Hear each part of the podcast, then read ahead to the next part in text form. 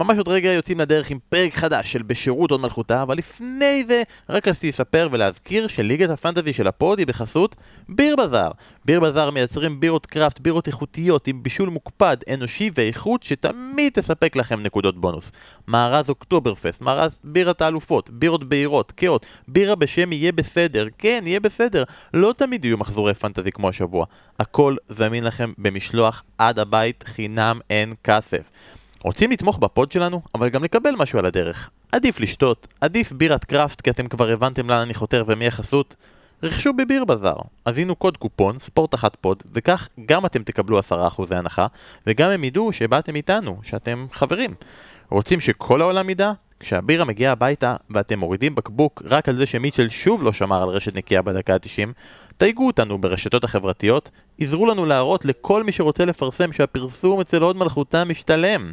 אז לכו לקנות, תביאו כוס בירה, שימו אותה בצד, כי אתם בכל זאת מאזינים לפודקאסט, אתם כנראה רצים או נוהגים, וזה קצת פחות מתאים עכשיו, אז אולי אחר כך, ותהנו, כי אנחנו מתחילים!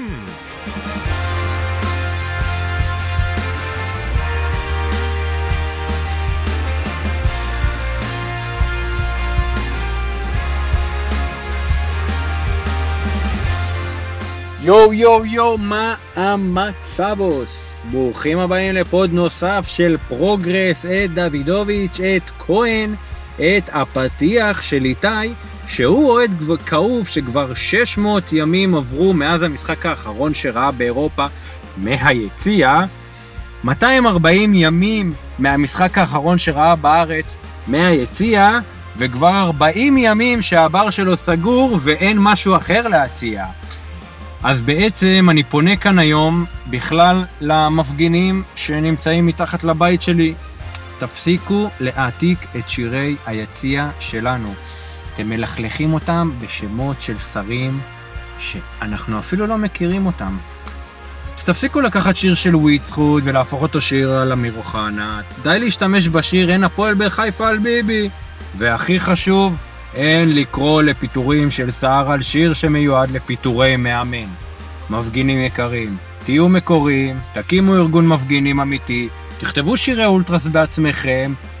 אז לפני שאני מסיים, אני רוצה להגיד שיום שישי הבא, אה, שישי ל-11, אני מתחתן, ואני בכלל באתי אה, לעשות את הפתיח הזה כדי לקבל מהפוד אה, עוד מלכותה, כמובן, את האישור אז מלכתי האנגלית הנכבדה, היוקרתית והיחידה, אפשר לקבל את ברכתך לחופה וקידושין? וואו, איתי ארד, איזו החלטה קשה הצבת לנו. חשבנו שאנחנו ניתן למישהו לעשות פתיח, יהיה בכיף והכל. פתאום אנחנו צריכים להחליט אם הוא מתאים לחתונה ועוד מהמלכה. אתה מבין, אנחנו אפילו לא מכירים, אולי אתה רוצה להתחתן עם איזו מייגן מרקל כזו? אז איתי, שיהיה לך בכיף, המון מזל טוב, מאחלים לך ולכולנו שגם ההפגנות מתחת לבית שלך ייפסקו.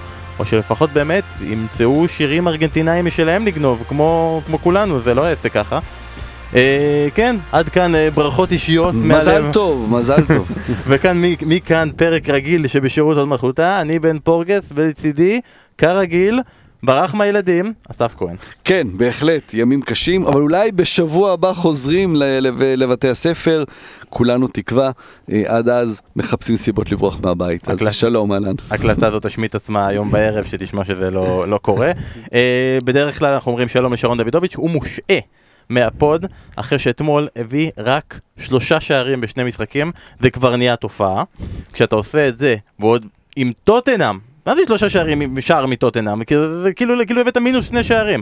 אז השבוע הוא משה ואנחנו מקווים ש... אנחנו לא, לא מקווים, אתה יודע, הוא יבוא שבוע הבא, לא, לא, לא נגזים עם מקווים, אבל במקומו, אחלה אורח, מה העניינים, ענבל מנור? אהלן, איזה כיף להיות פה. בדרך כלל אתה כאילו לשעבר בונדספוד. יש אה, דיבורים. יש דיבורים? יש משא ומתן, אנחנו... האמת שזה סקופ, האמת היא העובדה ששרדנו יותר מהבונדספוד, זה מבחינתנו אחד ההישגים הגדולים של אנגליה על גרמניה ב-20 שנה האחרונות. מוכן לקצת כדורגל אנגלי?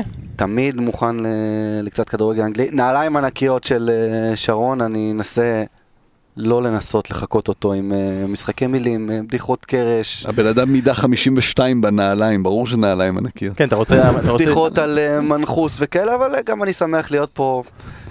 אני את ההקלטה של אה, מפרץ ההרפתקאות סוף עונה חמש, אני אראה עם הילדים אחר כך שאני אחזור. כדי שנרגיש ששרון פה, אם אתה יכול רק לעמוד במהלך כל הפרק, וזה יהיה טיפה יותר דומה, אבל כמובן אתה מוכן לכדורגל, ולכן אנחנו נעביר את הזמן כרגע בהתחלה מלדבר על הכל חוץ מכדורגל אנגלי. נתחיל בכל זאת עם זה שאנחנו פה לא רק בשביל הכדורגל, אנחנו כאן בשביל התרבות. פודקאסטים זה תרבות, וכפוד כזה שמאוד מאוד תרבותי, למרות העובדה ששרון דוידוביץ' לא כאן איתנו, קצת קשה לנו לא להתייחס לעובדה שהשבוע איבדנו את יהודה ברקן, עבורי, תמיד צ'יקו מאבא גנוב, ואסף, איפה יהודה ברקן, איפה זה קרה, איפה זה פוגש אותך, איזה דמות מבחינתך היא הכי אלמותית? זה באמת דמות שליוותה אותנו תמיד, כלומר זה, זה כל הסרטים ש, ש, שראינו מכל סרטי הבורקס ו, אה, וצ'יקו בן דוד כמובן עם הכנרת שסוערת מבחוץ ומבפנים. אי אפשר כאילו לא לבכות בסצנות האלה, אני, אני בן אדם של חגיגה בסנוקר, יותר מצ'ארלי וחצי, כלומר זה מין כזה, נכון, יש כזה את המילקי, הם, הם אוכלים הפוך או מערבבים וזה, אז צ'ארלי או סנוקר, אז כן. אבל כן, כן, עצוב, עצוב, על דמות שבאמת ליוותה אותנו כל, ה... כל השנים וכל החיים. אני ציפיתי שאתה תגיד שאתה בן אדם של קישלובסקי, סרטים כאלה בשחור לבן, בסוף אתה אומר שאתה בן אדם של חגיגה בסנוקר, מה איתך ענבל? תראה, אני ראיתי פוסט של אה, דורון כהן, העורך הראשי של uh, מעריב, בן אדם שאני מאוד uh, מעריך ואוהב, אוהד הפועל תל אביב. הוא חיפש ומצא ביקורת סרטים שפורסמה על חגיגה בסנוקר, אני מצטט את מה שהוא ציטט מאותה ביקורת, די יותר גרוע אי אפשר, זה כמו אוקיינוס שכל הזמן מגלים בו בורות עמוקים יותר. צ'ארלי ייסר אותנו בשוטים, סנוקר מייסר אותנו בעקרבים. זה קצת לקח אותי למציאות הנוכחית. תראו, אנחנו חיים בתקופה שכל הזמן מנסים לשנות לנו את התודעה, להגיד לנו איך לחשוב, מה לחשוב, להגדיר אותנו, לקטלג אותנו לקבוצות, לקבוע בשבילנו מה טוב, מה רע, מה גבוה, מה נמוך, מה נכון, מה לא נכון, מה איכותי ומה זבל, וזה מפריע לי כי אני סולד מסיסמאות ואני... באמת מאמין בחיה ותן לחיות. אני לא יכול לבוא ולהגיד כאן שגדלתי על הסרטים של יהודה ברקן, אבל הערכתי אותו מאוד כיוצר, ואני חושב שהחלום של כל יוצר תוכן, ולא משנה אם הוא סופר, שחקן, במאי, שדר uh, כדורגל, הוא ליצור משהו על זמני שיהיה רלוונטי וייזכר גם בעוד uh, 40 שנה, כמו שאנחנו יושבים כאן ב-2020 ומדברים על סרטים 1975. והיצירות של יהודה הן על זמניות, שום גישה מתנשאת כזאת או אחרת לא תשנה את זה. אולי הגיע הזמן שנדע להכיל קצת יותר, לכבד יוצרים, גם לפני שהם הולכים איתנו, ולא רק בשביל הפוסטים, גדלתי עליו כמה אני עצוב עכשיו. וואו. אה, זה חזק. אמר שהוא לא רוצה לקחת את הכובע של שרון ולקחת אה, בשתי ידיים. וואו. אה, יפה, באמת, יהי זכרו ברוך שזה יהודה ברקן, ואנחנו כאן לא רק בשביל התרבות ולא רק בשביל הכדורגל, אלא גם, אסף, בשביל הכדורגל ההולנדי, בכל זאת ובחוזה שלך. והשבוע אנחנו בסימן 13, מספר שעבור ונלו הנוצרים הגויים זה מספר בלהות, אבל עבור אייקס היהודים הטובים זה חגיגת בר מצווה. אז אסף, מה, מה היה החגיגה? כן, זה באמת היה מטורף. תוצאה כמובן הכי גבוהה אי פעם בליגה ההולנדית, שיא של אייקס מ-72, שניצחה 12-1, 13-0. בשש, אני חושב בשש אה, ונלו קיבלו אדום, התפרקו לגמרי, ומשם זה באמת היה אה, דהירה אה, לעבר, אה, בלי, בלי הפסק, כלומר באמת שריקת הסיום הפסיקה את זה, אחרת זה היה גם הולך ל-15 ו-17 ו-19. היה שלב שזה אה, גול דקה 58, גול דקה 59, גול דקה 60. כן. ואז ב-9-0 טן האח הכניס את טון טלר, שבאמת את טון טלר אתה לא מכניס כשאתה רוצה להפסיק, אלא רצו פה להבקיע עוד, ו- ושמעתי הרבה אנשים שאומרים זה, זה, זה מביש וצריך להפסיק ולעצור וזה לא ספורטיבי. נכון, זה לא, זה לא אה, עושה טוב לשם של הליגה, זו לא תוצאה טובה. אבל צריך לזכור פה שני דברים. אלה דברים שקורים. שנה, בדיוק לפני שנה, לסטר שמה תשע לסאות'נטון, כבר אין הבדל בין תשע לשלוש עשרה, ואף אחד לא חשב להגיד הליגה הזאת לא שווה כלום. ביירן עושה את זה להמבורג ולברמן ולשלקה כמה פעמים בעונה. זה בסדר, זה קורה. בוודאי שלא להפסיק, ובהולנד יש את המקרה הנוסף, שהליגה מוכרעת על הפרש שערים. אני באמת, אני מחזיר עוד פעם ל-2007, מחזור אחרון בליגה ההולנדית, שוויון בין אייקס לאיינדובן, אמ, מחזור אחרון, אייקס מנצחת 2-0, פז ומנצחת את uh, ויטסה 5-1, גול של פיליפ קוקו דקה 84, הגול האחד הזה, הפער 4 שהם מנצחים, מביא להם אליפות. על גול אחד, עונה שלמה על גול אחד. אז אף אחד לא חושב להגיד, אתה יודע, אם היו מנצחים פה, מפסיקים בשבע, ובסוף העונה כמה גולים האלה יכריעו, אז אה, אף אחד לא אומר, אה, איזה פייר פליי אתם, והפסקתם לשחק וריחמתם, אבל מצד שני הפסדתם את האליפות. אז לא נעים, קורה. המאמן של ונלו אה, אחרי המשחק אמר, אנשים שלחו לי הודעות, ותהיה חזק, ואיתך ביום הזה. אף אחד לא מת. נקום מזה, יהיה בסדר. כאילו, אוקיי, קורה. מה שהיה חסר לי זה זו קלישאה של תנהך, שהוא מעדיף לנצח 13 פעמים 1-0, ולא פעם אחת 13-0. נהדר. רגע, מאמן ונלו הוא עדיין מאמן ונלו? בוודאי. אז ממש סיפור האזנוטל, כאילו מה שנשאר עכשיו, שעוד שנה מהיום הם מנצחים את אברטון. סגור, מנצחים את אברטון. נראה. ודבר אחרון, בשבוע האחרון אנחנו קצת פספסנו את אה, פסטיבל מנור סולומון. כי, כי, כי הוא לא שלנו, ואנחנו חושבים מה לעשות, ואנחנו ננכס אותו אלינו. כי כל הדיבור עכשיו הוא מנור סולומון הוא שחקן אדיר, מנור סולומון, לאן הוא ילך בעונה הבאה? לאן הוא צריך ללכת? האם הוא צריך ללכת לספרד? האם הוא צריך ללכת לאיטליה? האם הוא צריך לחזור למכבי פתח תקווה ולסגור מעגל? יש המון אופציות, וכמובן אנחנו צריכים להציע את האופציה שלנו, את הפרמייר ליג שלנו, ואני רוצה לשאול אותך, ענבל. בהנחה ומנור סולומון מחליט, אני רוצה להגיע אך ורק למקום שבו משחקים בליגה הטובה בעולם, הוא רוצה להגיע לאנגליה. לאיזה קבוצה היית מציע למנור סולומון להגיע? ואתה יכול להגיד מנצ'סטר סיטי, אבל אפשר גם לא להגיד, כאילו, ברור שמנצ'סטר סיטי מתאימה לו, אבל בוא נגיד גם קבוצות אולי ריאליות, או שתגיד שמנצ'סטר סיטי זה לגמרי ריאלי. קודם כל מנצ'סטר סיטי לגמרי ריאלי בעיניי, וזו גם קבוצה שרצתה אותו. אני חושב שקודם כל שמנור סולומון שווה כבר עכשיו את המעבר לאחת הליגות הגדולות ולקבוצות uh, גדולות. זאת אומרת, הוא לא צריך uh, בעיניי לתת דאבל דאבל uh, שערים ובישולים בשכתר העונה כדי להוכיח את עצמו. עם תג מחיר של 20-30 מיליון יורו, הוא לא יכול לעשות מעבר ביניים uh, גם לקבוצות שדיברו עליהן, כמו ספורטינג ליסבון או אטלנטה באיטליה. אז אם אנחנו מדברים על קבוצות פרמייר ליג כולן שיכולות לשלם סכומים כאלה, או קבוצות צמרת בבונדסליגה, אני חושב שמנור סולומון אגב מאוד מתאים לבונדסליגה. וזה יהיה צעד נכון מבחינתו לעשות מה שאנגלים צעירים עושים, הולכים לגרמניה לקבל דקות משמעותיות בקבוצות אה, גדולות, אבל זה לא יקרה, כי חוץ מביירן מינכן ודורטמונד אף אחת לא תשלם אה, סכומים כאלה בגרמניה. אז אנחנו נשארים, חוזרים לפרמייר ליג. יש לי בעיה עם אה, מנור סולומון אחת, אה, וזה הדבר הטקטי היחיד שאני הולך להגיד כאן כל הפוד. בעולם שכולם משחקים יותר ויותר עם שלושה בלמים, הוא יצטרך יום אחד ללמוד, או להיות second striker, לשחק באמצע מתחת לחלוץ, או לשחק את שחקן הכנף שהוא גם מגן, הוא עוד לא שם מבחינת פיזיות וגם לא מבחינת מספרים, לכן הוא צריך ללכת לקבוצות שמשחקות 4-3-3 קלאסי, עיין ערך אה, קבוצות של פפ גוארדיולה, ואני מפנטז על איזה טריו של ברנרדו סילבה צד אחד, מנור סולומון צד שני, ומספר 10 בקבוצה שאנחנו לא משדרים העונה ונשדר בעונה הבאה בפוד. האמת היא, אני חושב על הפוד בעונה הבאה, שבו כזה אסף במנצ'סטר סיטי כרגיל, אי אפשר שלא, השחקן המפתח, כזה, ואז כזה רכיב, מנור סולומון, כל, הכל נבנה אליו, תמיד הוא מאכזב וכו' וכו'. רגע, אני רוצה להבין, אתה אומר ברנרדו? מנור סולומון? כן. מסי. הבנתי. שנה הבאה. כן. לא רע. יש לך קבוצה, לא ואתה כזה, אוקיי, ברנלי. לא, זה ניתוח מעולה. מחליף את דווייט מקניל. זה ניתוח מעולה, אתה יודע, אה, מה שענבל אומר פה הוא בדיוק העניין עם השחקן שהכי לא דומה למנור סולומון, הכי לא דומה, אם אתה יודע, אני אגיד עכשיו את השם, זה הכי לא דומה, אבל זה בעצם בדיוק הסיפור הזה. זה אדמת ראורה.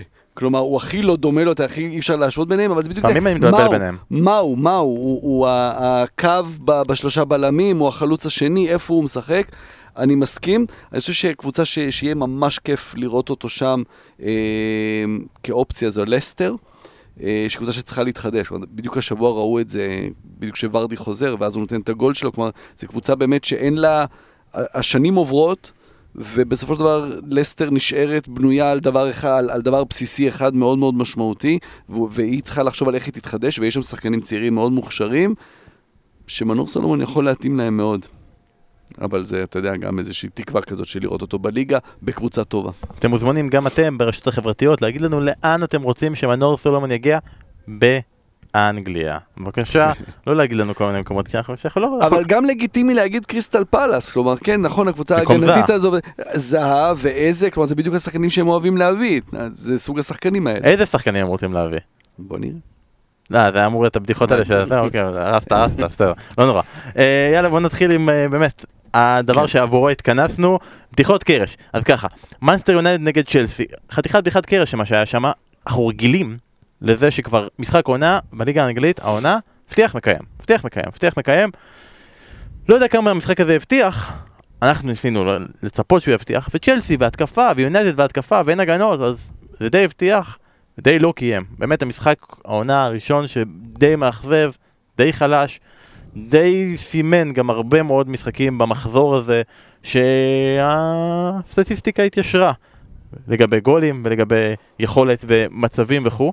אבל אני חושב שכדאי בכל זאת, למרות ה-0-0 והאכזבה והכל, אפשר גם להתחיל בנקודות טובות, כמו זה שנגיד אה, בצ'לסי, שני משחקים רצוף, הם לא סופגים, מול יריבות ראויות, כמו מנסטר יונייטד, כמו סביליה בליגת האלופות, וזה לא קרה להם מאז מרץ. ואם לא מחשיבים גביע או גביע הליגה, שאתה מחליף שם הרבה הרבה הרבה שחקנים, אז זה לא קרה להם מאז אוקטובר 2019, שהם שומרים פעמיים אה, ברציפות על שער נקי, ואתה יודע, מנדי היה טוב, אפילו לא אגיד שהוא היה איזה משהו זה, אבל תראה איזה רמה נמוכה, כבר התרגלנו, אתה כזה, וואו, הוא עוצר כדור, אני לא מאמין. מה הוא עושה? הוא שוער צ'לסי, למה הוא עושה כזה דבר? ובאמת, כאילו, באמת בעניין הזה, כל הכבוד לצ'לסי מבחינת תחילת העיצוב ההגנתי, ותיאגו סילבה מתחיל אה, להכניס אותם לתלם. ומנצ'סטר יונייטד, אה, אה, ענבל, מה, הנקודה הטובה לגבי מנצ'סטר יונייטד? אני קודם רוצה, לענות לך על צ'לסי. כי אמרת שני שמות, אמרת מנדי ואמרת תיאגו סילבה. קח את מה שלמפרד אמר גם אחרי המשחק נגד סביליה, גם מה שהוא אמר לניב דוברת אחרי מנצ'סטר יונייטד. הוא שוב חזר על הנרטיב. שער נקי, כל הכבוד לנו, מנדי עשה עבודה טובה, תיאגו סילבה מביא מהניסיון. למפרד יודע איך עובדת תקשורת באנגליה, ואני רוצה סיפור אישי. אחד האנשים שהכי השפיע עליי כעיתונאי, כ- ככותב, זה בחור בשם רורי סמית. עיתונאי אנגלי, סופר, עבד בטיימס, כותב גם לניו יורק טיימס ולעוד כל מיני מקומות. סיפור ארוך מאוד שאני לא אכנס אליו עכשיו, פגשתי אותו ברסיפה במונדיאל בברזיל, נתקענו באוטובוס של עיתונאים, הייתה לנו שיחה מדהימה על תקשורת. הוא אמר לי דבר כזה, אנחנו עיתונאים אנגלים סולדים, כותבים, מלדבר על טקטיקה. זה משעמם אותנו, אני בא למסיבת, הוא אומר לי, אני בא למסיבת עיתונאים, כל האיטלקים מתחילים לשאול, "אה, mister אה, number 6, number 2, אני מאבד את זה, אני הולך לישון. אנחנו אוהבים דבר אחד, פרסונליזציה, לדבר על בני, על אה, בני אדם. להעניש אותם באלף, לתת להם תכונות, כמו טלנובלה, יש גיבור, יש נבל, יש את הבד גאי, את הגוד גאי, את המניאק. ולמפרד מבין את זה. הוא מבין שהוא צריך עכשיו להעביר את הסיפור מ"אין הגנה, אין שוער", ל"יש הגנה ויש שוער", והנה תראו, אנחנו יודעים לא לספור, כי ההתקפה תבוא. יש שחקני התקפה, צ'לסי תבקיע עוד אה, הרבה שערים. והיה יפה לראות איך הוא לוקח את מנדי, בסך הכל, בחור בן 28, שבא מרן, יש לו נעליים מאוד מאוד קטנות להיכנס אליהן, אבל הוא כבר בונה אותו כדי שהתקשורת אה, תרים אותו, ומנדי עם פתיחה טובה מאוד, ארבעה משחקים רשמיים, הוא סופג רק אה, שער אחד. אולי בדרך לעשות מה שפטר צ'ך עשה ב-2004, כשהוא הגיע בגיל 22 אה, מרן, בתור שם לא מספיק מוכר עדיין, ובעונה הראשונה לקח אליפות, זה כבר הכניס אותו לחבורה היוקרתית של אה, טופ השוערים בעולם באותו זמן. אז אתה ענית יפה, אבל התחמקת מלתת אה, מילה טובה למנצ'סטר יונייטד, וזה זה נופל עליך, לא, לא, אסף. אני, אני גם, אני גם, אבל גם אני רוצה להתחיל עם צ'לסי, אני רוצה לדבר על שתיהן. לא, אני, אני חושב שבאמת המשחק הזה היה משחק מביש, מביש, אה, ש, שאולי הוכיח ששני המאמנים האלה, מהדברים שאנשים כבר הרבה זמן אומרים, לא ראויים למקום שבו הם נמצאים כרגע, במקום שבו הם נמצאים בקריירה שלהם. כי אפשר לדבר על זה שצ'לסי עשתה, אה, שמרה על רשת נקייה פעמיים, אבל מה המחיר? אה, נגד יונייטד, שלושה בלמים, ז'ורג'יניו וקנטה לפניהם, ג'יימס וצ'יבל בצדדים. נשארים מקדימה ורנר, פוליסיק והוורץ. כלומר, הוא אפילו לא משחק עם ארבעה מקדימה, אלא שלושה מקדימה, ואתה אומר, אוקיי, אז נגד יונייטד האנמית הזאת, ש, שהיא טובה כש, כשמאפשרים לה לעמוד מאחורה ולשלוח קדימה בהתקפות מהירות את השחקנים שלה, אז היא יכולה להבקיע. אז זה כנראה לא כזה סיפור לעמוד מאחורה עם, עם חמישה ושישה שחקנים ועם שוער סביר, לא, לא, באמת לא קפה. אה, יש לי באיזה ליגת אה, פנטזי דראפט שאני משחק, יש לי בהגנה את תיאגו ואת אה, וואן ביסאקה. והמשחק מתקדם, ואתה יודע שלא משנה כמה זמן ישחקו, אני יודע שיש לי פה רשת נקייה, אז אה, הכ- הכל בסדר. כי נכון, בסוף שם, הוא הוציא שם, מנדי הוציא שם כדור של רשפורד שיכול היה להיכנס, אבל זה, זה לא באמת. זה לא הזדמנות של 100% שאתה אומר, אוקיי, וואו, איך הוא החמיץ את זה. יצר, יצר מצב, אה, אה, השוער לקח. זה לא כדורגל שראוי לצ'לסי, וזה נכון, אז הוא מייצר פה איזה משהו של להגיד, אוקיי, הנה, לא שמעתי רשת נקייה, עכשיו יש לנו רשת נקייה. הוא צריך לנצח משחקים, והוא צריך לעשות את זה גם עם כדורגל. אני מדבר על למפארד. יונייטד זה סיפור אחר באמת, כי... וזה נורא הרגיז אותי, כי גם מהמקום שאני בא, אתה יודע, שתי קבוצות מביאות שחקנים כמו זייח ודוני ון דה בייק, ולא משחקים איתם. עכשיו זייח, אתה אומר, אוקיי, הוא חוזר לעצמו לאט לאט. דוני ון דה בייק, הוא לא סופר אותו. הוא, הוא, לא, הוא לא שם, אתה יודע, הוא, הוא מעלה לך שחקנים שלא אמורים לשחק. עכשיו, זה נכון, ודיברנו על זה לפני, כש, כשהוא חתם, על כל תפקיד שדוני ון דה בייק יכול לשחק בו, יש כנראה שחקן טוב ממנו. יש קשר אחורי טוב ממנו, ויש playmaker טוב ממנו, ובכנפיים בוודאי יש השחקנים יותר טובים ממנו. אבל כל זה נלקח בחשבון לפני שהוא התחיל לפתוח עם דניאל ג'יימס. אתה יודע מה, יכול להיות שבכנף, אם אתה רוצה שחקן מהיר, דניאל ג'יימס טוב, עדיף עליו. אבל דוני ון דה בייק נותן משהו שאף אחד מהשחקנים האחרים לא נתן. זה כמו מאמנים בביירן, שלוקח להם את הרגע הזה להבין מה, מה עושים עם תומאס מולר. שוב פעם, דוני ון דה בייק הוא לא תומאס מולר, הוא, אבל אם אתה רוצה להשוות אותו לשחקן, זה מה שהוא נותן. הוא נותן את הדבר הזה של להיות playmaker בלי כדור. עכשיו, יכול להיות שזה בעיה ביונייטד, כי יכול להיות שהוא לא יכול לשחק עם ברונו, וברונו נותן את הגולים, נותן, נותן מספרים ש, שדוני פחות נותן. ויכול להיות שלכן הוא לא יוכל למצוא את השילוב לשחק עם שניהם, אבל כשלא הולך, ומשחק אחרי משחק לא הולך מבחינה התקפית, יכול להיות שהוא כן צריך למצוא את הדרך לשלב אותו. כי, עוד פעם, דוני ון דה בייק הוא playmaker בלי כדור. הוא תמיד עושה את הדברים האלה כמו איזה נעלי קסם כאלה, שאתה אומר, מה, לאן הוא הולך? וכנראה שהוא יודע לאן הוא הולך. כי תמיד הבישול שלו והגול שלו זה בנגיעה אחת, הוא לא צריך יותר מזה כי הוא יודע איפה לעמוד. אבל אם יש מאמן שלא מאמין בו, והביא אותו, או שהביאו לו אותו על הראש, בסכום כזה, אז, אז אתה יודע, זה חבל מאוד, אבל כנראה שהוא עשה טעות שהוא הלך לשם, כי, כי זה שחקן שצריך לשחק וצריך לקבל את הביטחון. אמ, אבל שוב, בכל תפקיד שיש שם, מטיץ' טוב ממנו כקשר אחורי, וברונו טוב ממנו, ובטח רשפורד ומרסיאל וזה טובים בצדדים. בעיה. כן, שכחת, שכחת שאתה אומר גם פרד, ו... פרד ומקטומיני, עזוב מטיץ'. כן, אבל גם כקשר אחורי מקטומיני טוב מדוני ון דה בייק. אתה יודע, אם אתה רוצה שחקן שמחלץ כדור, אז הוא טוב ממנו. אם אתה רוצה שחקן שמחלץ כדור ויודע מה לעשות איתו קדימה, אני חושב שעדיף דוני ון דה בייק. אני חושב שיש פה בעיה יותר עמוקה. אנחנו ישראלים לא אוהבים את המילה תהליך בכדורגל, זה נהיה משהו, מילת גנאי, מילה רנה מולנסטיינית כזאת, שאסור להגיד אותה. אבל אה, תודה לאל, אנחנו לא מדברים פה על כדורגל ישראלי עכשיו, מדברים על אה, פרמייר ליג, כאן מותר להגיד תהליך, אנשים מבינים שדברים לא קורים כל uh, ביום אחד, גם האליפות של ליברפול, ליברפול של קלופ לא נולדה ביום אחד, אבל הקורונה, having said that, הביאה למצב שאפשר לקצר את התהליך הזה, בטח בעונה שבה אחרי שישה מחזורים ברור לכולם שהאליפות על הרצפה. ואתה מצפה מקבוצות כמו מנצ'סטר יונייטד וצ'לסי וארסנל שעוד נדבר עליה, להבין את זה ולעשות את קפיצת המדרגה, לנצל את ההזדמנות, לצמצם את הפער המקצועי ולהיות קונטנדריות לאליפות. אני חושב שבמנצ'סטר יונייטד ספציפית מתחילה להסתמן לי בעיה של מאמן ויש שם מי שצריך לשאול את עצמו בסיטואציה שנוצרה, האם לא עדיף להביא מישהו שהוא יותר banker לזכייה בתארים. אבל רגע, אני חייב לשאול, כי יש פה בעצם מתקפה על סולשייר, וזה מאהבה של הפוד, ברגע שמוריניו הרס לנו הכל, אנחנו עוברים לסולשייר, וקיבלנו הרבה תגובות על הפרק הקודם. אמנם הקלטנו אותו בתחילת המשחק של מנצ'סטר יונייטד נגד פריס סן ג'רמן, כאילו ראינו את ההרכב, התייחסנו גם להרכב ומה קורה שם וזה, וגם עם, עם כל מה שמנצ'סטר יונייטד עשתה אה, בדרך. ואנשים אמרו, רגע, אתם לא מתייחסים, טוב, לא, לא, לא, לא ראינו את המשחק של פריס סן ג'רמן תוך כדי הקלטה, להיבטים הטקטיים של מה שהוא הצליח לעשות נגד פריס סן ג'רמן וניצחון חוץ. וגם פה, צ'לסי התקפה וזה, אתה אומר כלום, אבל סוג של הצליח uh, לנטרל את ההתקפה, ולמה לא מתייחסים למה שסולשייר מצליח לעשות פה ומה שהוא מצליח לעשות שם, והוא מראה שיש לו עוד טריקים בשרוול, והוא לא הולך על, ה, על השטאנץ, והוא מוציא את פוגבה, וכו' וכו' וכו', אבל אסף, נראה שזה לא כל כך מרשים אותך, ואני גם חייב להכניס פה עוד משהו קטן ותגיד לי שני הדברים. אתה מתייחס לדוני ון דה בייק, זה היה רשום ב line-up, אה, הקדמת את זה, ון דה בייק וזיח, ברור שזה קרוב ללבך. אבל כל הזמן בפרקים של סוף עונה שעברה, תחילת העונה, התייחסנו לסנצ'ו כן, סנצ'ו לא, כל זה גם היה בתוך איזו התחשבות בגרינווד. נכון? למה, כן, יש לך גרינווד, הוא, הוא כוכב, הוא צעיר, הוא מתקדם, והעונה, הוא פתאום גם הוא נמחק לחלוטין מהתודעה של מנצ'סטר יונייטד, כשהיה דיבור סנ, אה, סנצ'ו כן, סנצ'ו לא, זה לא היה על דניאל ג'יימס. כן, לא, אבל uh, אתה, עם גרינוד היו את הדברים ש, שקרו מחוץ למגרש, ואתה, מגווייר מתמודד עם זה בדרך אחת, וגרינוד מתמודד בדרך אחרת, זה לא בדיוק דברים שאנחנו יודעים. אני מניח שיש שם עניינים כאלה שמשפיעים מאוד, ושלכן uh, הוא לא משחק. אבל זה בדיוק העניין, אוקיי, אתה אומר נכון, הם עשו תוצאה נהדרת נגד פריס סן ג'רמן, ושיחקו נגד פריס סן ג'רמן כמו שאתה משחק נגד פריס סן ג'רמן בחוץ. אבל מנצ'סטר יונייטד זה קבוצה שיכולה לחיות מזה שהיא קבוצה שמגיבה, שעומדת מאחור ושולחת שחקנים למתפרצות. זה נחמד נגד סיטי, זה עובד, הם ניצחו ככה את סיטי שנה שעברה. זה עובד נגד פריס סן ג'רמן, לא פעם ראשונה. אבל זה מנצ'סטר יונייטד, ואז בא לך משחק של יונייטד נגד צ'לסי.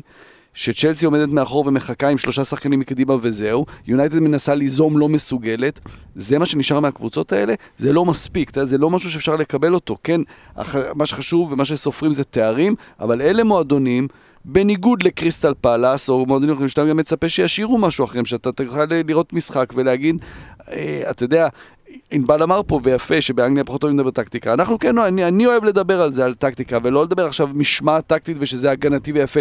לא, תן לראות כדורגל, תן לראות משהו התקפי ו- ונחמד ש- שאפשר ליהנות ממנו ולהבין מה המאמן מנסה לעשות, ולא משהו כזה מבוקר. אמ, אז קצת קפצו לי שתי התשובות אחת, אחת בתוך השנייה. ואז אתה אומר, רגע, אז תשחק עם ברונו ודוני ביחד, אבל זה דורש ממנו לשנות את השיטה, וכנראה שהוא עוד לא שם, הוא לא מוכן לעשות את זה. אולי זה באמת היה סיפור המשחק, שצ'לסי חיכו מאחור, ומאנסטר חיכו למשהו, ואנחנו גם ישבנו וחיכינו וחיכינו. ופתאום הגיע תשע וחצי ונגמר המשחק, ומה לעשות, אפס אפס, ומפה נצטרך להתקדם, אבל ענבל, רק תגיד לנו לסיום, למרות שנראה לי שהתשובה כבר נאמרה סוג של ברמיזה לפני, מתוך שתי הקבוצות, עבור מי אתה יותר אופטימי להמשך? חד משמעית עבור אה, צ'לסי. אני חושב שיונייטד היא פצצה של כישרון, שכרגע מי שעומד בראש שלה לא מצליח להוציא, להוציא את המקסימום ממנה. צ'לסי כבר עשתה את הצעדים קדימה תחת אה, למפרד, היא פשוט התחדשה עם הרבה שחקנים חדשים, אבל היא כבר הוכיחה שעשתה את הצעדים. צ'לסי צריכה קצת אה, זמן להתחבר, אני חושב שבסופו של דבר יהיה שם בסדר. מנצ'סטר יונייטד, אתה מצפה לראות ממנה יציבות ומומנטום והמשכיות, ובטח משחקי בית. אה, תקן אותי אם אני טועה, חמישה משחקי בית רצופים ללא ניצחון. כן, כרגע רק בחוץ, רק בחוץ, מנצחים רק בחוץ. זה בגלל מה שאסף אמר, שהם אה, קבוצה כזאת שמשחקת על מתפרצות, זה לא מנצ'סטר יונייטד, זה לא ה-DNA שלה. הביאו את סולשייר בשביל ה-DNA של מנצ'סטר יונייטד, וככה הקבוצה נראית. אין, אין, הדגלי פריסה כאן בבית אה, הורגים אותה. זה קהל ששנים צועק עתק, עתק, עתק באולטראב, זה כאילו, אין, לא יכול להיות, לא, לא יכול להיות. לא צועקים עכשיו. תצעקו, אולי זה יקרה. צועקים בזום.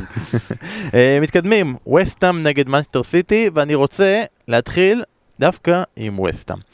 כי דבר ראשון מגיע לקרדיט אחרי שכולנו בערך הימרנו שהיא תהיה אחת הקבוצות שיורדות ובאמת היא פתחה רע אבל הצליחה להתאושש, הוציאה כרגע 8 מתוך 12 הנקודות האחרונות שתי תוצאות תיקו מול טוטנאם וסיטי כשהראשונה חזרה מ-3-0 ומול סיטי במחצית הראשונה גם היו שלבים שנראתה לא רע בכלל וצופל נראה כרכש עם פגיעה נהדרת בן רחמה זה השאלה מצוינת עוד לא, לא יצאנו לראות אותו בווסטאם אבל בואו נדבר רגע על מיכאל אנטוניו.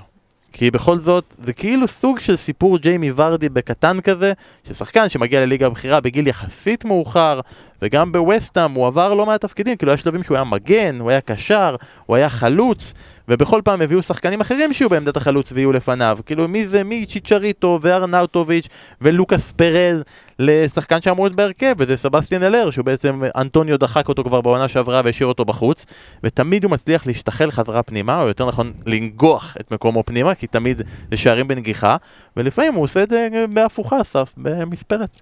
מדהים. אני זוכר שבירם קיאל לפני כמה שנים אמר, אה, שאלו אותו בסוף איזה עונה, מי השחקן שהיה לו הכי קשה לשחק מולו, והוא אמר אנטוניו, כי הוא בעוד עונה שאנטוניו היה בצ'מפיונשיפ. הוא אה, חיה. הוא, הוא מדהים, הוא פריון, הוא, יודע, הוא קשה לי לסגור אותו, אבל הוא כנראה גם אופי מאוד מאוד חיובי, כי הוא באמת תמיד, תמיד תופס את המקום שלו, זה גם אחד כזה שלא מתחיל כשחקן הרכב ותופס את המקום שלו, וווסטהאם, כן, מגיע להם כל ההתנצלויות מצידנו, כי הם, אתה יודע, זה, הקטע הזה שאין קהל וקורונה הופך הכל והכל הפוך, אז גם פה ווסטהאם גידלה אופי. זה קבוצה של מועדון ששנים לא היה חסרי אופי, מתפרקים, אה, עושים אנדר אצ'יברים מטורפים, אתה יודע, שופכים נגיד כסף. מתחיל מהנהלה שמנסה להביא שחקנים שהיא לא מסוגלת להביא, קופצת גבוה מדי ואז מסתפקת בפחות, אבל עדיין שחקנים שהם אמורים להיות טובים ואז זה כישלון גדול. הביאו פה מאמן שכולם זלזלו בו, גם אנחנו, זה לא היה נראה טוב. ההצלחה פה התחילה דווקא כשהוא לא היה על הקווים, צריך גם להגיד את זה. אבל הם, הם אחלה, הם משחקים כדורגל, אתה יודע, ובן רחמן זה, זה, זה חיזוק על הנייר מדהים. יש uh, תופעה מעניינת לגבי דוד מויס, אני מרגיש שהוא הולך ומתפתח להיות המאמי הלאומי החדש של העונה באנגליה, גם ג'יימי קרגר אמר את זה השבוע באחד השידורים, שהוא נורא רוצה שזה יקרה בשבילו ובשביל uh, אוהדי ווסטהאם. אתם מכירים את הסיפור של מויס בגל הראשון? דיברתם על זה פעם? הוא גר באיזשהו אזור כפרי באנגליה, כולם הסתגרו בבית, הוא החליט שהוא רוצה להתנדב ב... חנות כזאת של ירקות ופירות, שם משלוחים באזור לכל מיני אנשים מבוגרים. והוא הגיע לבית של איזושהי אישה מבוגרת עם הארגז של הירקות והפירות, הארגז עלה 16.80 פאונד, היא נתנה לו 20 ואמרה לו, תשמור את העודף. הוא קיבל טיפ על המשלוח. כמובן שבווסטהאם מיהרו להוציא את הסיפור הזה החוצה, לתת לו לדבר על זה. יש, קורה איתו משהו. פתאום ווסטהאם נהיית קבוצה ש... האוהד האובייקטיבי שהוא לא אוהד יריבות ישירות, רוצה שהיא תצליח. זה משהו שלא קרה לדיוויד מויס מאז הימים שלו באברטון. לגמרי, ו... זה משהו שכן היה לווסטהאם פעם, אבל בשנים גם אין אותו. פעם ווסטהאם הייתה קבוצה, קבוצה שנייה, של קבוצה התקפית, קבוצה שבאמת ב-DNA שלה תמיד לשחק אה, כדורגל, ווסטהאם של שנות ה-60 וזה, ו... ו... ופתאום היא שם, כן. ועכשיו אה, נראה לי שאנחנו צריכים עוד, אנחנו חייבים לאנטוניו עוד קצת על, על הסיפור שלו, נשמור את זה פעם אחרת, אבל אני רוצה לעבור לקבוצה השנייה, למנצ'סטר סיטי. פעם ראשונה, מאז אוקטובר 2017, שפפ גוורדיולה לא משנה הרכב בליגה. פעם ראשונה שהוא משחק, פותח עם אותו הרכב, שבוע אחר שבוע, ו, וזה לא לטובה. מבין, כאילו זה לא... כולם פצועים. זה לא, זאת אומרת, הרכב מנצח, לא מחליפים, דפקתי חמישייה, הנה אני עכשיו אה, שומר את זה. ההפך, זה ב... לא היינו כל כך טובים פה, ואנחנו נמשיך להיות לא כל כך טובים כאן. וזה משתלב עם העובדה שבעונה כזו משוגעת, פרמייר ליג השנה מטורפת, ושביעיות, ושישיות, וחמישיות. ואתם יודעים מי לא משתתפת בחגיגה? סיטי. כאילו, היא כן משתתפת, היא קיבלה חמישייה נגד, נגד לסטר, אבל מבחינתה, פעם אחת היא כבשה שלושה שערים, פעם אחת היא כבשה שני שערים והפסידה, ושלוש פעמים היא כובשת רק שער אחד, משהו שם תקוע, משהו שם לא עובד. האם זה החשוד המיידי דה בריינה? האם זה החשוד המיידי אגוורו ג'זוס? או חשוד המיידי גוורדיולה, איזה מהחשודים המיידיים? יש כל כך הרבה חשודים מיידיים, אז אסף תעשה לי רגע סדר, תגיד לי למי אתה הולך קודם. אני מניח שזה כולם ביחד, אבל uh, קודם כל השנים עוברות, והוא עדיין שם, ולא מתחדש יותר מדי, אני חושב שגם הוא אולי מספיק אה, עקשן כדי לא לשנות דברים. שדי היו ברורים בשנה שעברה, כל העניין הזה של העיבוד של שחקנים מנהיגים אמיתיים, קומפני. אה, קודם כל, עכשיו גם דוד סילבה נוסף לזה, ומי שהגיע במקום זה לא שחקנים אה, בעלי אה, אופי כזה שיכול להרים אותם, והקבוצות של פפ זה תמיד היה מכונות נהדרות שכיף לראות, ו- ו- אבל אם משהו קצת חורק אז תמיד יש את ה... ברק, את ההברקה, אם זה מסי, אם זה שחקנים אחרים שיכולים להכריע משחק לבד. ו... ואם אין דה בריינה, אז, אז בסיטי הזאת אין כרגע, אתה יודע, אתה מצפה מסטרלינג שהיה עושה את הצעדים קדימה ו- וזה לא קורה, שיכול להכריע משחקים לבד, אה, וזה יותר מדי דברים שלא עובדים, ובעיקר בעונה כזאת שבאמת אתה אומר, הם, חייבים, הם, הם צריכים לקחת אליפות פה. אני, אחרי המשחק של אה, סיטי מול אה, שאלתי את עצמי, כמה כסף הוציא פפ גוורדיולה על רכש, וכמה הוא הוציא מתוך הכסף הזה על שחקני התקפה? הלכתי לבדוק את זה. על שחקני הגנה.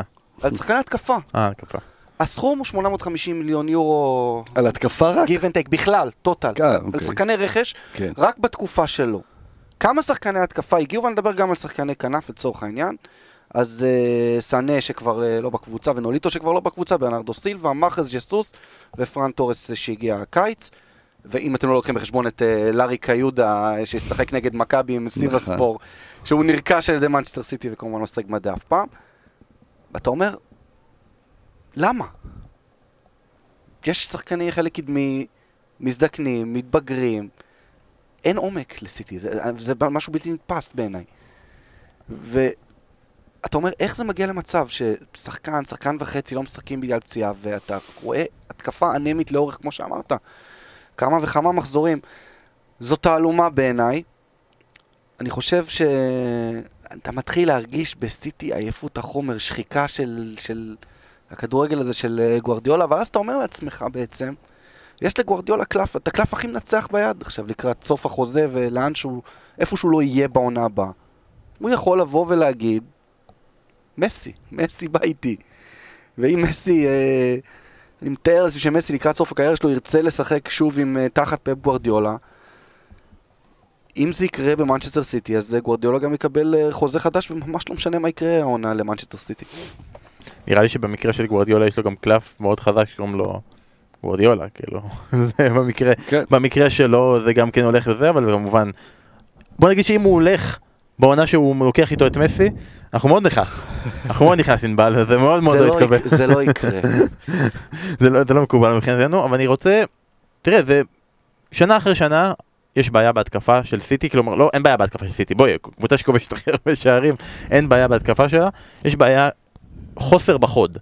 כלומר, לא קצת מוזר, גם בעונה כזאת שאנחנו מדברים, יהיה קורונה, יהיה פציעות, יהיה חוסרים, יהיה פה, יהיה שם, שאתה פותח עונה עם הגוארו פצוע, ולא, ולא הביאו שום דבר, ז'זוס נפצע, והנה אתה רואה, הגוארו חוזר, אבל הוא לא חוזר, ואנשים כאילו ישר קנו אותו בפנטזי, ועכשיו הם רואים אחרי, אחרי 45 דקות הוא יוצא החוצה, ומתבאסים ולא יודעים מה יהיה איתו וכן יהיה איתו, וכאילו, מה? השחקנים אה, הכי גדולים, הרי זה קורה באיזשהו שלב, שהם מזדקנים מדי, ואז פתאום הם, הם כבר לא מסוגלים יותר.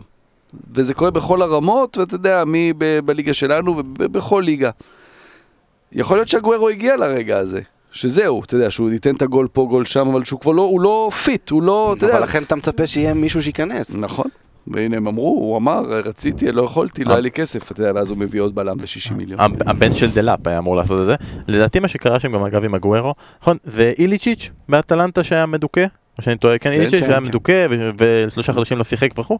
לדעתי זה פשוט קרה לגוארו ברגע שאתה יודע, קורונה משם וזה, והוא קרא את התרגום של הגדול יש בספרדית. וכזה, כ, כ, איפה, הוא מעביר, מחפש את התמונה וזה, מאוד מאוד התאכזב, אני חושב שאתם עליתם למאסטר, עליתם למאסטר סיטי באליפות, וזה זה לא יפה.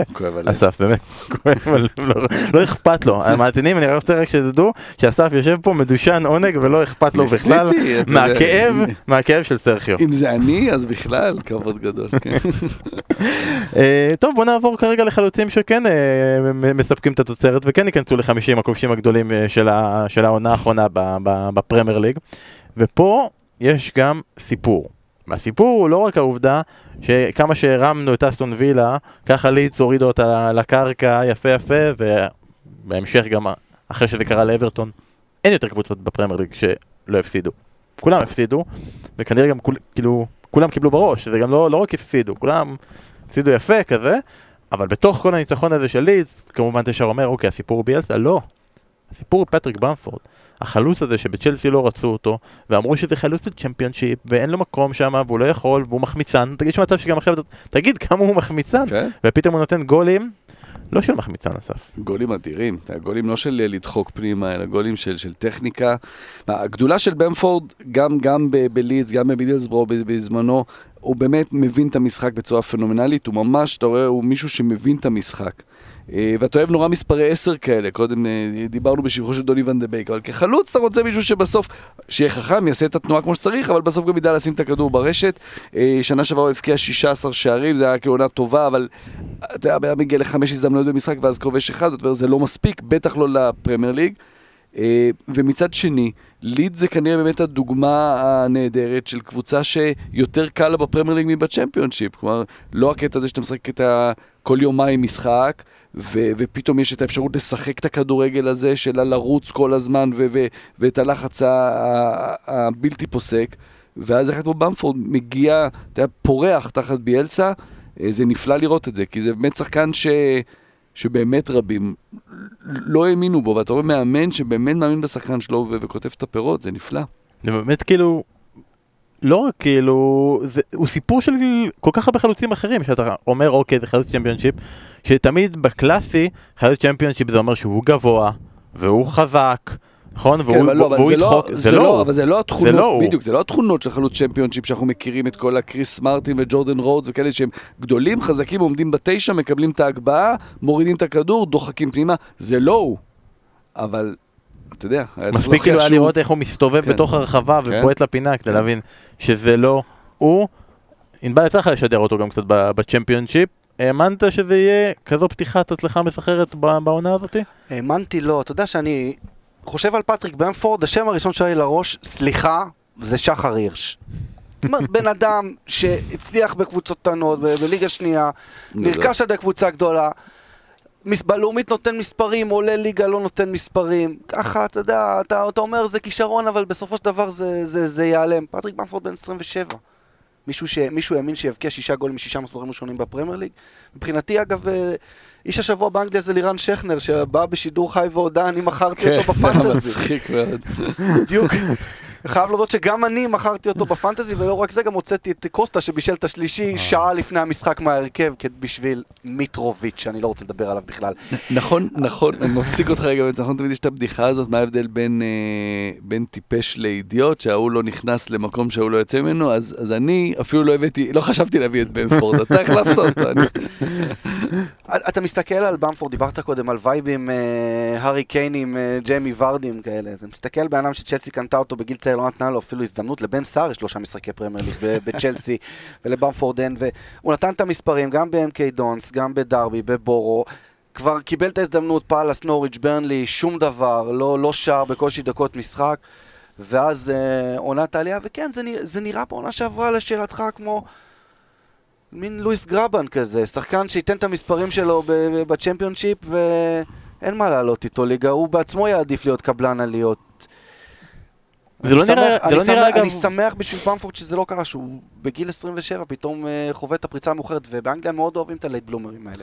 זה גם וזה- לא נראה רק אה, זה, זה לא נראה רק אה, שסוף העונה שעברה שזה הולך להיות ככה. העונה זה היה נראה שזה הולך להיות ככה, כי בתחילת העונה היה נראה שביאלסה מביא חלוץ אחר במקומו.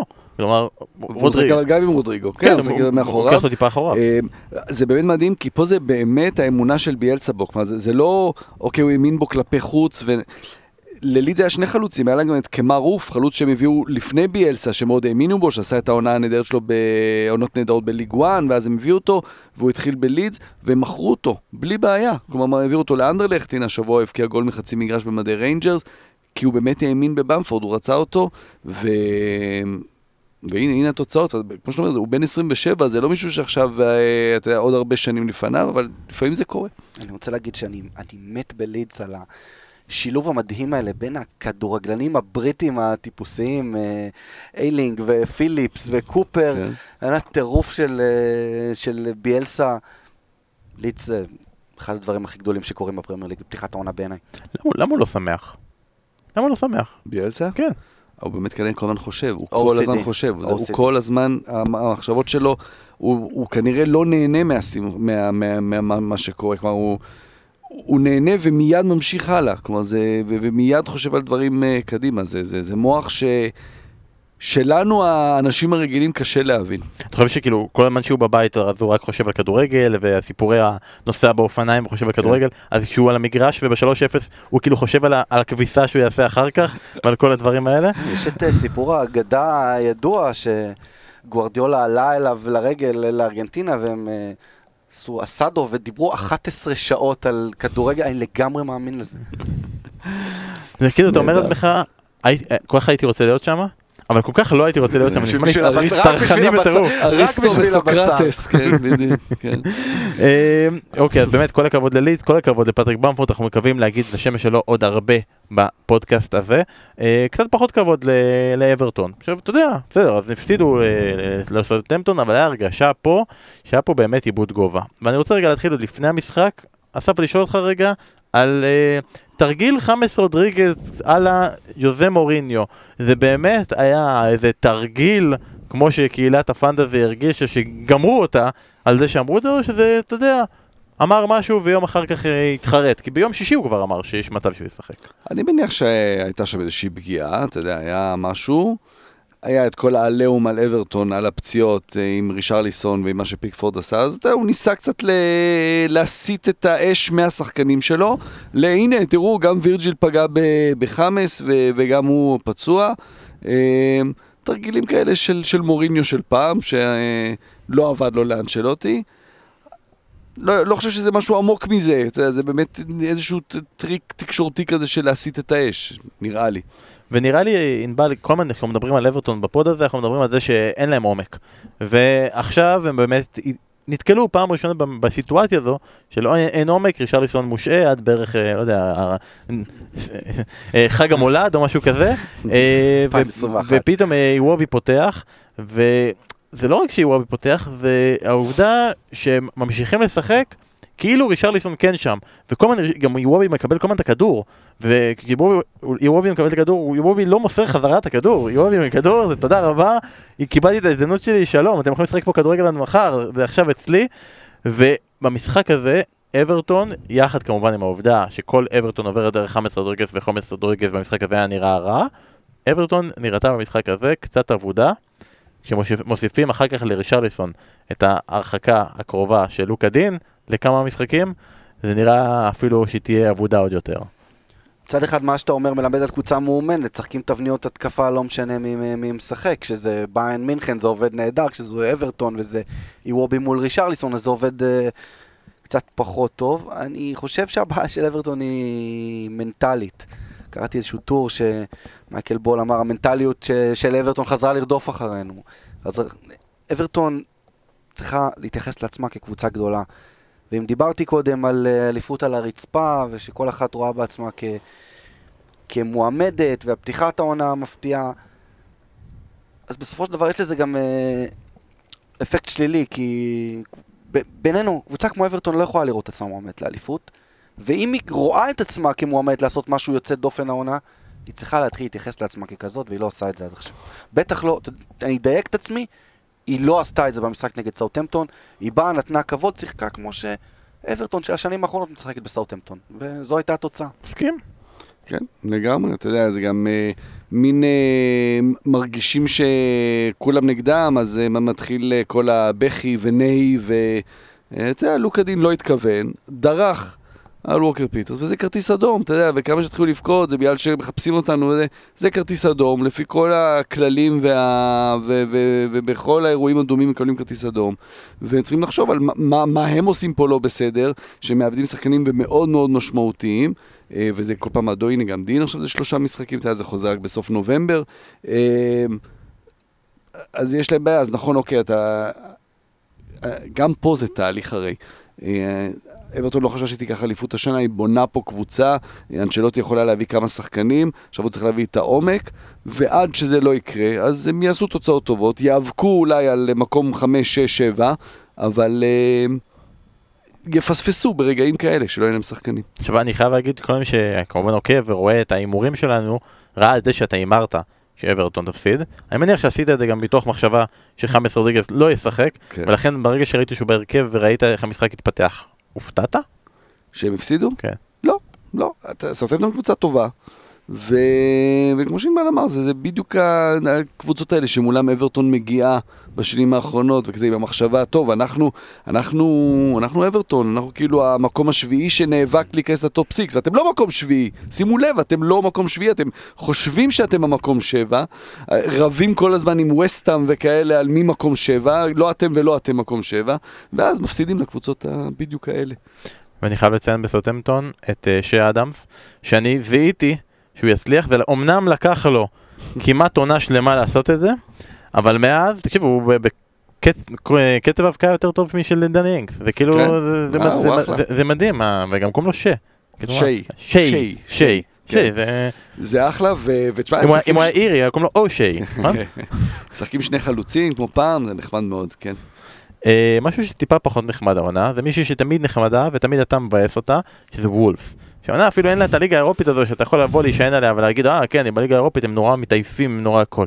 אז ענבל אני רוצה לדעת ממך, ש- כי וולף השנה, כאילו זה מאוד ברור שאוקיי, חימנס עדיין טיפה נותן את המספרים, אבל גם הוא עדיין לא בקצב הרגיל שלו, אבל הקצב הרגיל שלו זה גול למשחק, והוא עדיין די סוג של עושה את זה. אין להם את האגפים של העונה שעברה. סמדו עם כל העובדה שהוא הגיע מברסלונה והכל, הוא עדיין לא נותן את התפוקה של דוירטי. אה, בצד השני, ברח לי, איך קוראים לשחקן ש- ש- שפצוע?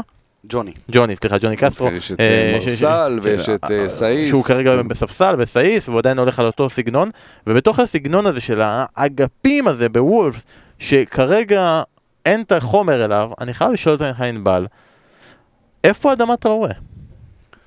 אני שידרתי את וולפס במחזור הראשון מול שפיד יונייטד אה, דק- 2-0 דקה שישית. מאז וולפס הבקיע, אנחנו מדברים על חמישה משחקים פלוס 84 דקות, ארבעה גולים. אז אתה מאשים את השיבוצים. מאשים את עצמי. אני חושב שיש לוולפס יותר מדי אה, שחקנים שאין להם תכלס קדימה. אה, הם נהדרים, כיף לראות אותם, כיף לראות מה הם עושים עם הכדור, בין אם זה פדרו נטו, בין אם זה פודנס, כמו שהשדר האנגלי אומר, למרות שסלווה פעם אמר לי פודנס אה, בשידור של אה, אבל האמת היא, ספורטינג מה שהוא ליסבון. עשה שם, בחלק מהכדרורים, זה באמת dance. זה מדהים. איזה סיבוב במקום, וואו. וגם אדמת טראורה, אתה מסתכל עליו, הוא מפלצת, הוא בלתי צפוי, אי אפשר לעצור אותו, היא- גם שלושה שחקנים מחזיקים אותו בחולצה, הוא עובר, אבל אין לו תכלס, אין לו מספרים. ואז אתה מגיע ל... כשחסרים שחקנים שתרמו בבניית המשחק בשערים ובישולים בעונה שעברה, כמו שהזכרת את אה, כמובן ז'וטה והשחקנים בכנפיים שחסרים. זה נהיה קצת פחות אפקטיבי, אבל זה עדיין עובד מבחינה הגנתית, ואפילו מבחינת תוצאות. כן, אבל זה משעמם. זה ואתה- מאוד משעמם. ואני חייב להבין, אתה מסכים עם הדבר הזה? כי אני אומר, אוקיי, אין לאדמה אתה רואה את רכלס, אבל אתה כל כך אוהב לשחק באגפים, וכרגע סמדו לא יהיה האיש שירים לך את הכדורים, הוא ככה פתח זה את נראה. העונה, אגב, כשחקן כנף ב- ב- עד- עד שסמדו על הגיע. התפקיד של דוארטי. כן. כן. אה, אני חושב שאגב זה יותר מתאים לו.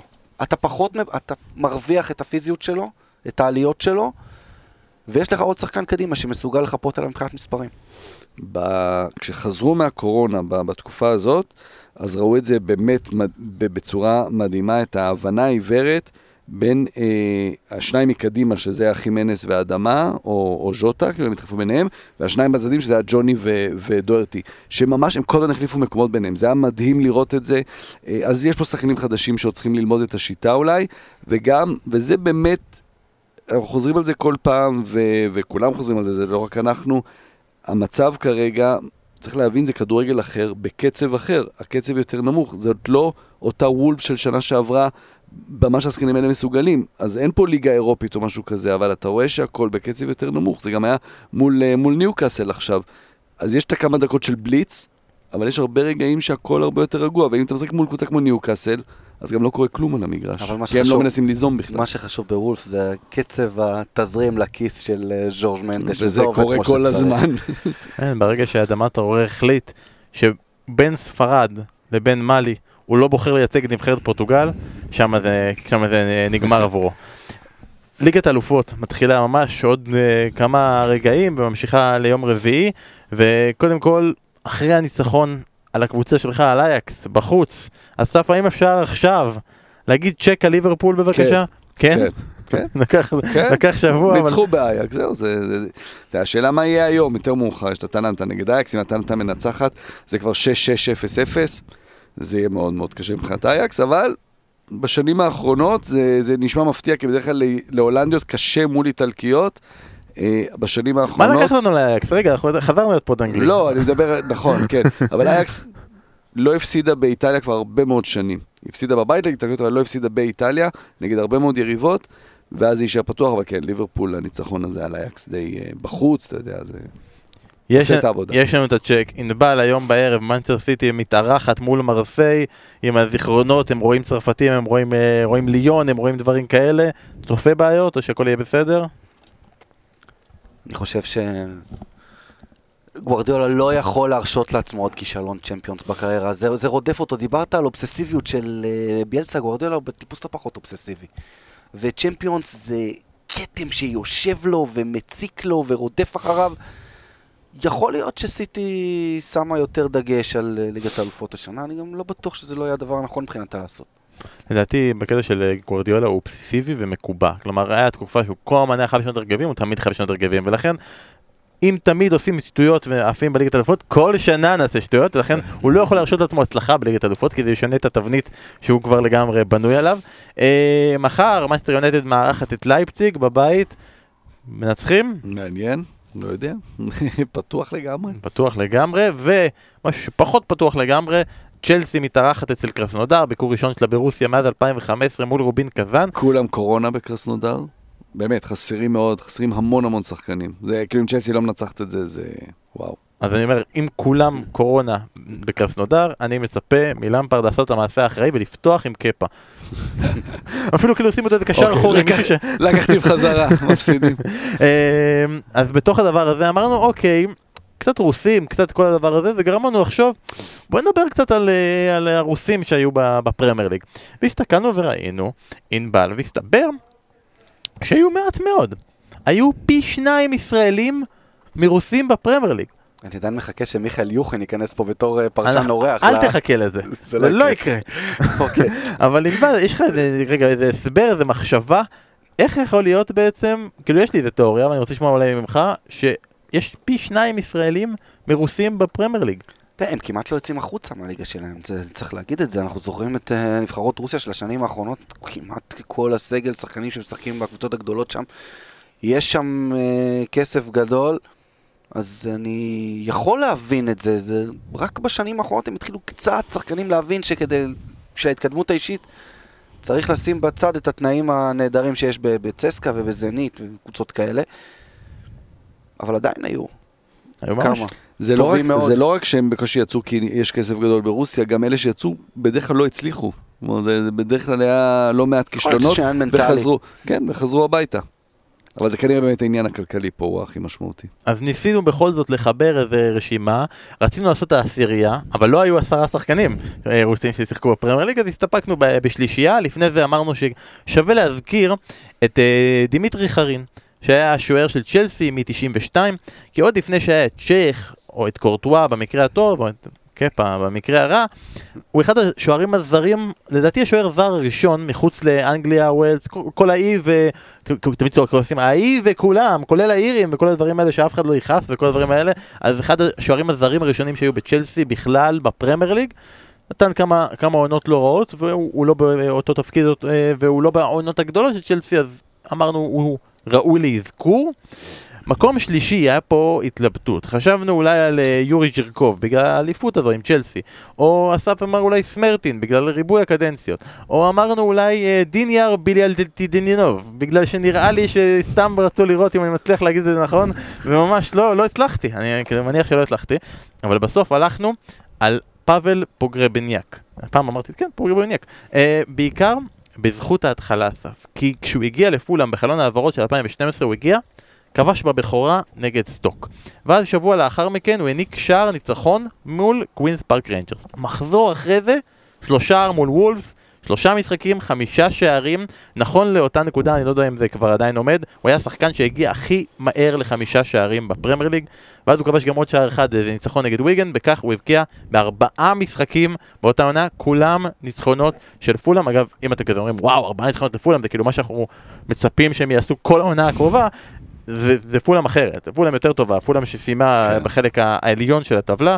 אחרי זה שיחק עוד שלוש עונות ברדינג, בעונה הראשונה ירד איתה לצ'מפיונשיפ, אחר כך שתי עונות בליגת המשנה, כבש שם 19 שערים, ולצערנו החדשה האחרונה שהצלחנו למצוא עליו, זה שבחודש מאי האחרון הוא חלה בקורונה, אבל, אבל, אבל הוא בסדר, הוא, בס- אני מניח, לא, לא מצאנו שום דבר אחר, אז, אז אני מניח שהוא בסדר, בתקווה.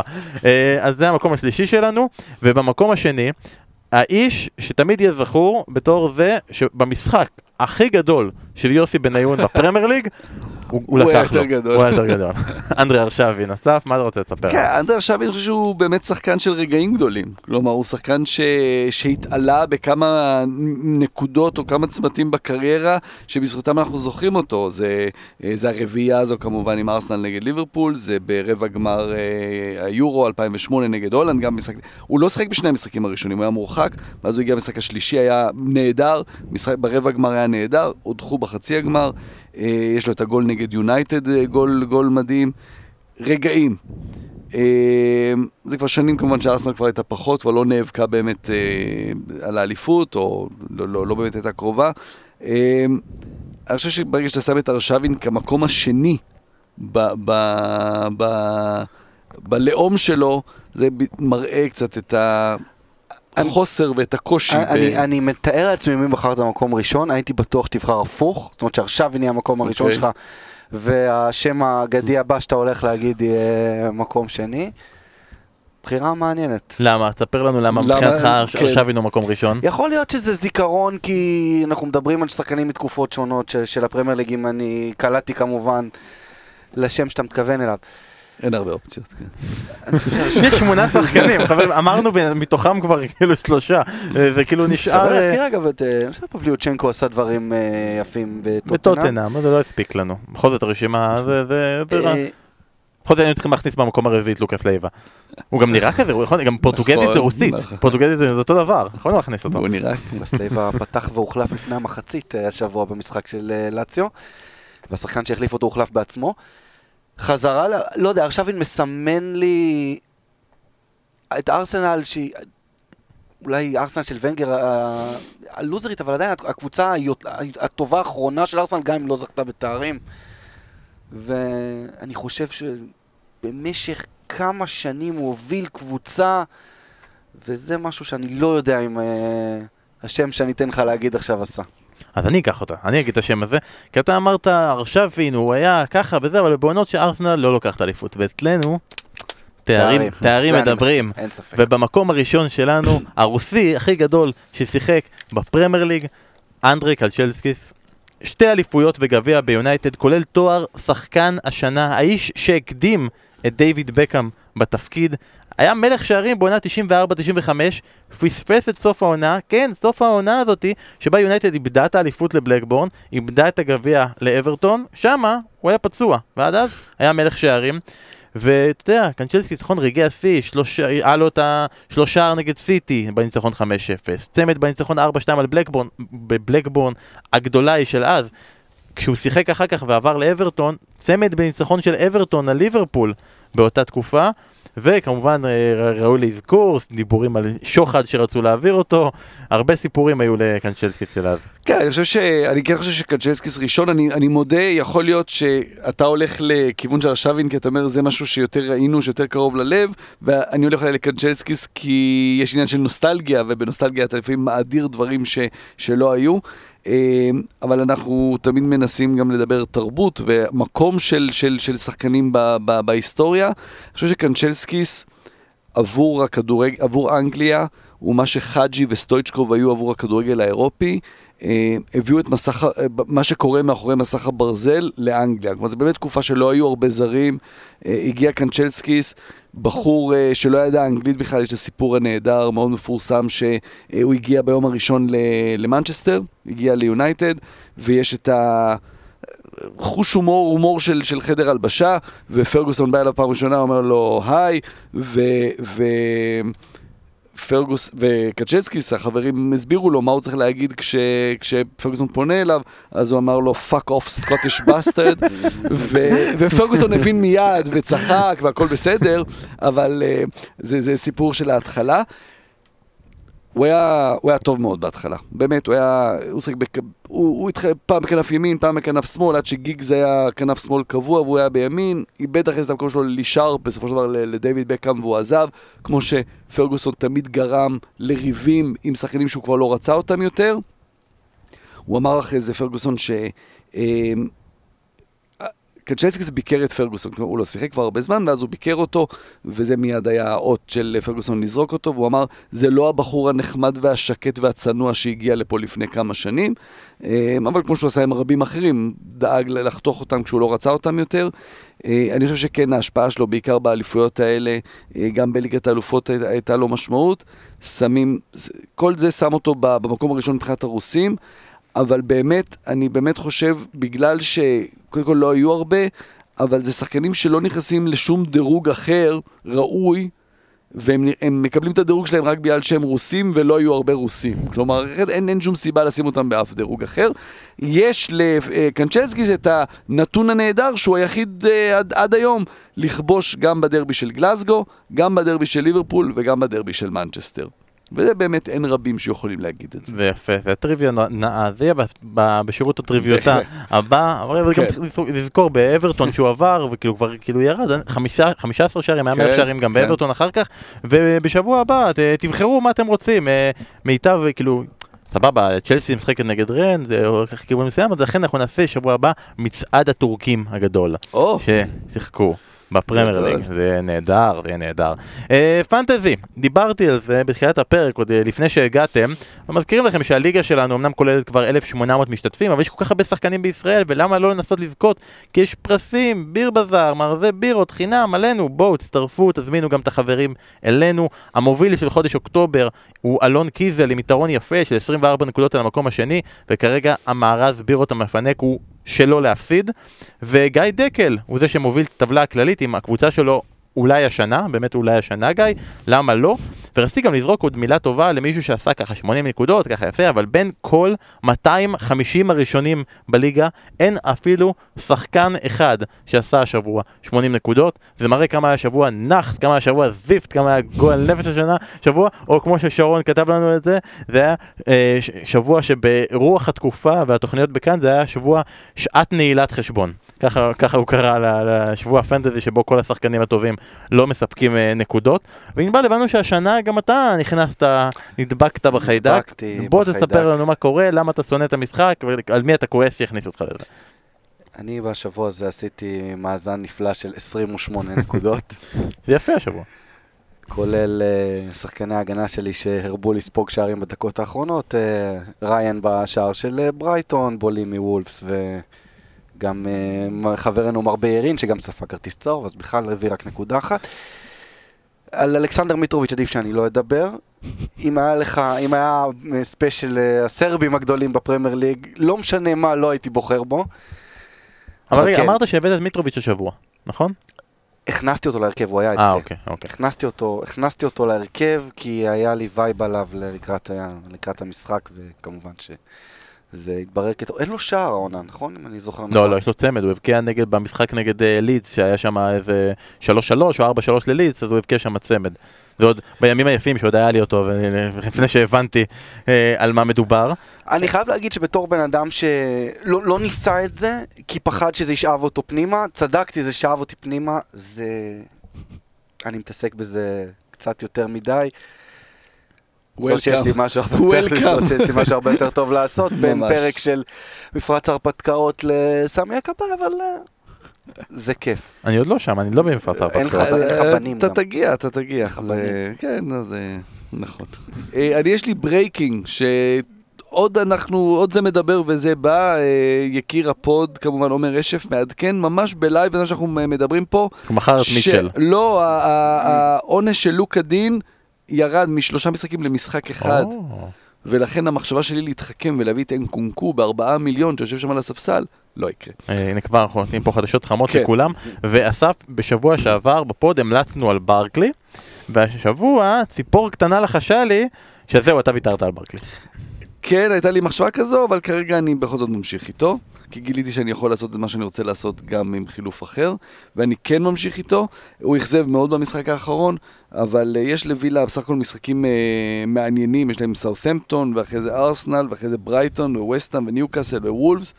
אני כן מאמין בהם, למרות ההופעה הלא טובה נגד לידס, וממשיך עם ברקלי. ואני חייב לשאול, אתה יודע, הרבה מאוד אנשים משחקים, ובתקופה הזאת כרגע, יש הרבה מאוד קבוצות דומות. הרבה מאוד מתרכזים באותם שחקנים, אה, כאילו לאט לאט, בגלל הסיטואציה של קיין וסון, ובשביל להביא אותם, אתה צריך לוותר על האחרים. ואני רואה הרבה מאוד קבוצות שאין בהם אף שחקן ממנצ'סטר סיטי. אף שחקן, זה קרה ברגע שדה ברוינה נפצע, ואין, אה, וירדו ממנו לסון, ומסון חזרה לחזור לסטרלינג זה קשה. האם זה משהו שאפשר לעשות לאורך זמן? האם אפשר לשחק בפנטזי ולהצליח ללא מנצ'סטר סיטי. לא, לא לאורך זמן, כי עדיין זה מנצ'סטר סיטי ועדיין יהיה לה את המשחקים של הרביעיות והחמישיות, זה יבוא, זה חייב לבוא.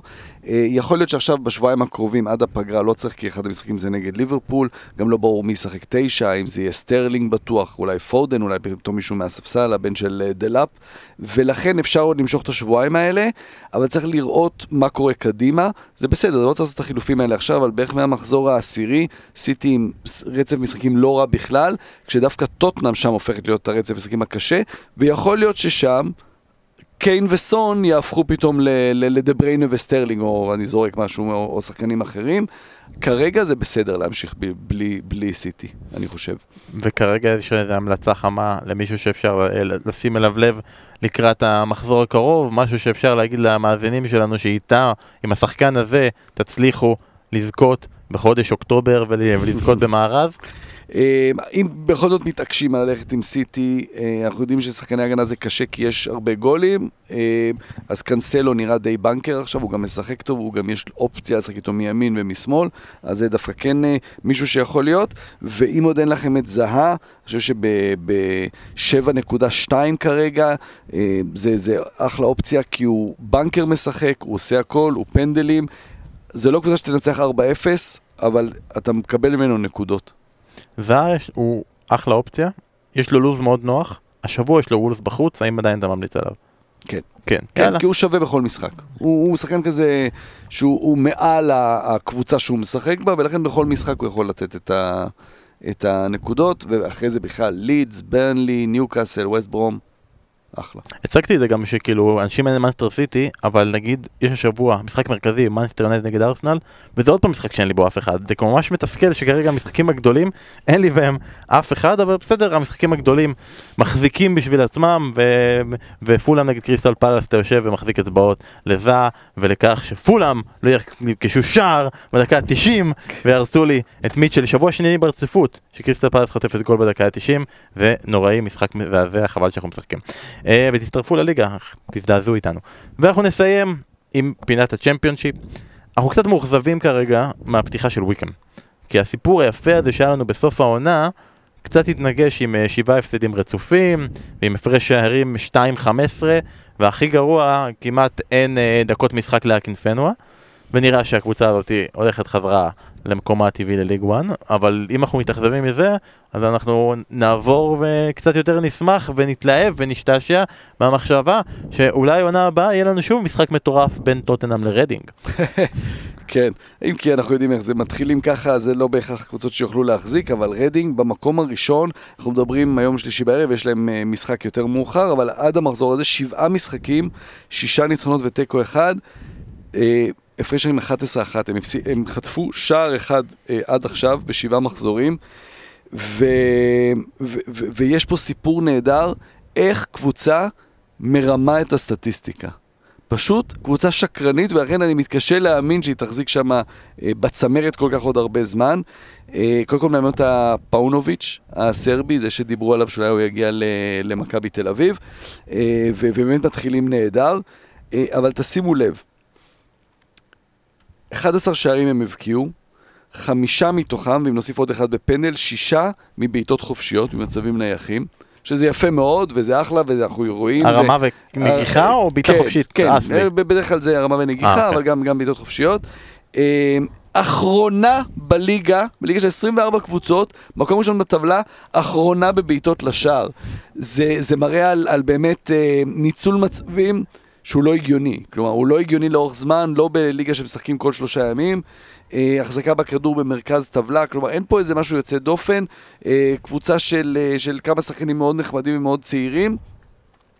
לצד הצוות המקצועי, אז פאונוביץ' זה, זה המאמן, בצוות המקצועי, ג'ון אושי, קווינטין פורצ'ן, ו... נונו גומש, אבל לא נונו גומש, זה, נונו גומש היה בלם, לא, לא נונו גומש היה חלוץ. אה, אז שמות יפים, אין, אין פה איזה שם, שמות אדירים גדולים בסגל, אה, יוצא דופן. אני, אני מרשה לעצמי, קבוצה שנמצאת אחרי שישה מחזורים בפער של אה, חמש נקודות, זה, זה לא קורה בצ'מפיונשיפ, ועדיין אני חושב שזו קבוצה ש... קבוצת אמצע בסוף העונה. רוצה להגיד משהו על פאונוביץ'. פאונוביץ' קודם כל לקח עם uh, סרביה מונדיאל עד uh, גיל 20, ב-2015, עם uh, פרדראג רייקוביץ' בשער. הוא אימן ארבע שנים בשיקגו פייר, שם מאמן השוערים שלו היה אלכסנדר שלנו, אקס הפועל גדול. ירושלים כמובן, נכון, נכון. שהעדיף להישאר בארצות הברית ומתעסק שם בהרבה ב... נכון, שדיברו שאם פאונוביץ' יגיע, הוא בא איתו, זה היה נורא מרגש, כן, כן, סליחה. עובד שם עם אה, ילדים ומחלקות נוער. אה, וגם שפאונוביץ', אה, אם אפשר לקרוא לזה, רוכב על גל ההצלחה, אבל הוא הדבר הבא אצל המאמנים אה, סרבים, שבין המצליחים ביניהם עברו גם פה, סלאבישה וגם אה, איביץ' שבעצמו הביא את הכדורגל הנורא והאיום שלו לצ'מפיונשיפ. ושווה לראות אה, לאן זה ייקח אותו. אני חושב שאם פאונוביץ' עושה עונה טובה ברדינג, גם אם לא תסתיים בעלייה, נראה אותו מאמן פרמייר ליג. לא נראה אותו מועמד לפה, ואולי אה, סאריץ' ישתכנע לעזוב את שיקגו ולהגיע לאנגליה. אז כן, סאריץ' נשאר בשיקגו, הוא לא הלך איתו? כאילו? לא, לא. וואלה, מעניין. ויש לי עוד אה, אנקדוטת אה, צ'מפיונשיפ. תיאוריית קונספירציה של אוהדי נוטינגרם פורסט שרצה בטוויטר, שראיתי היום.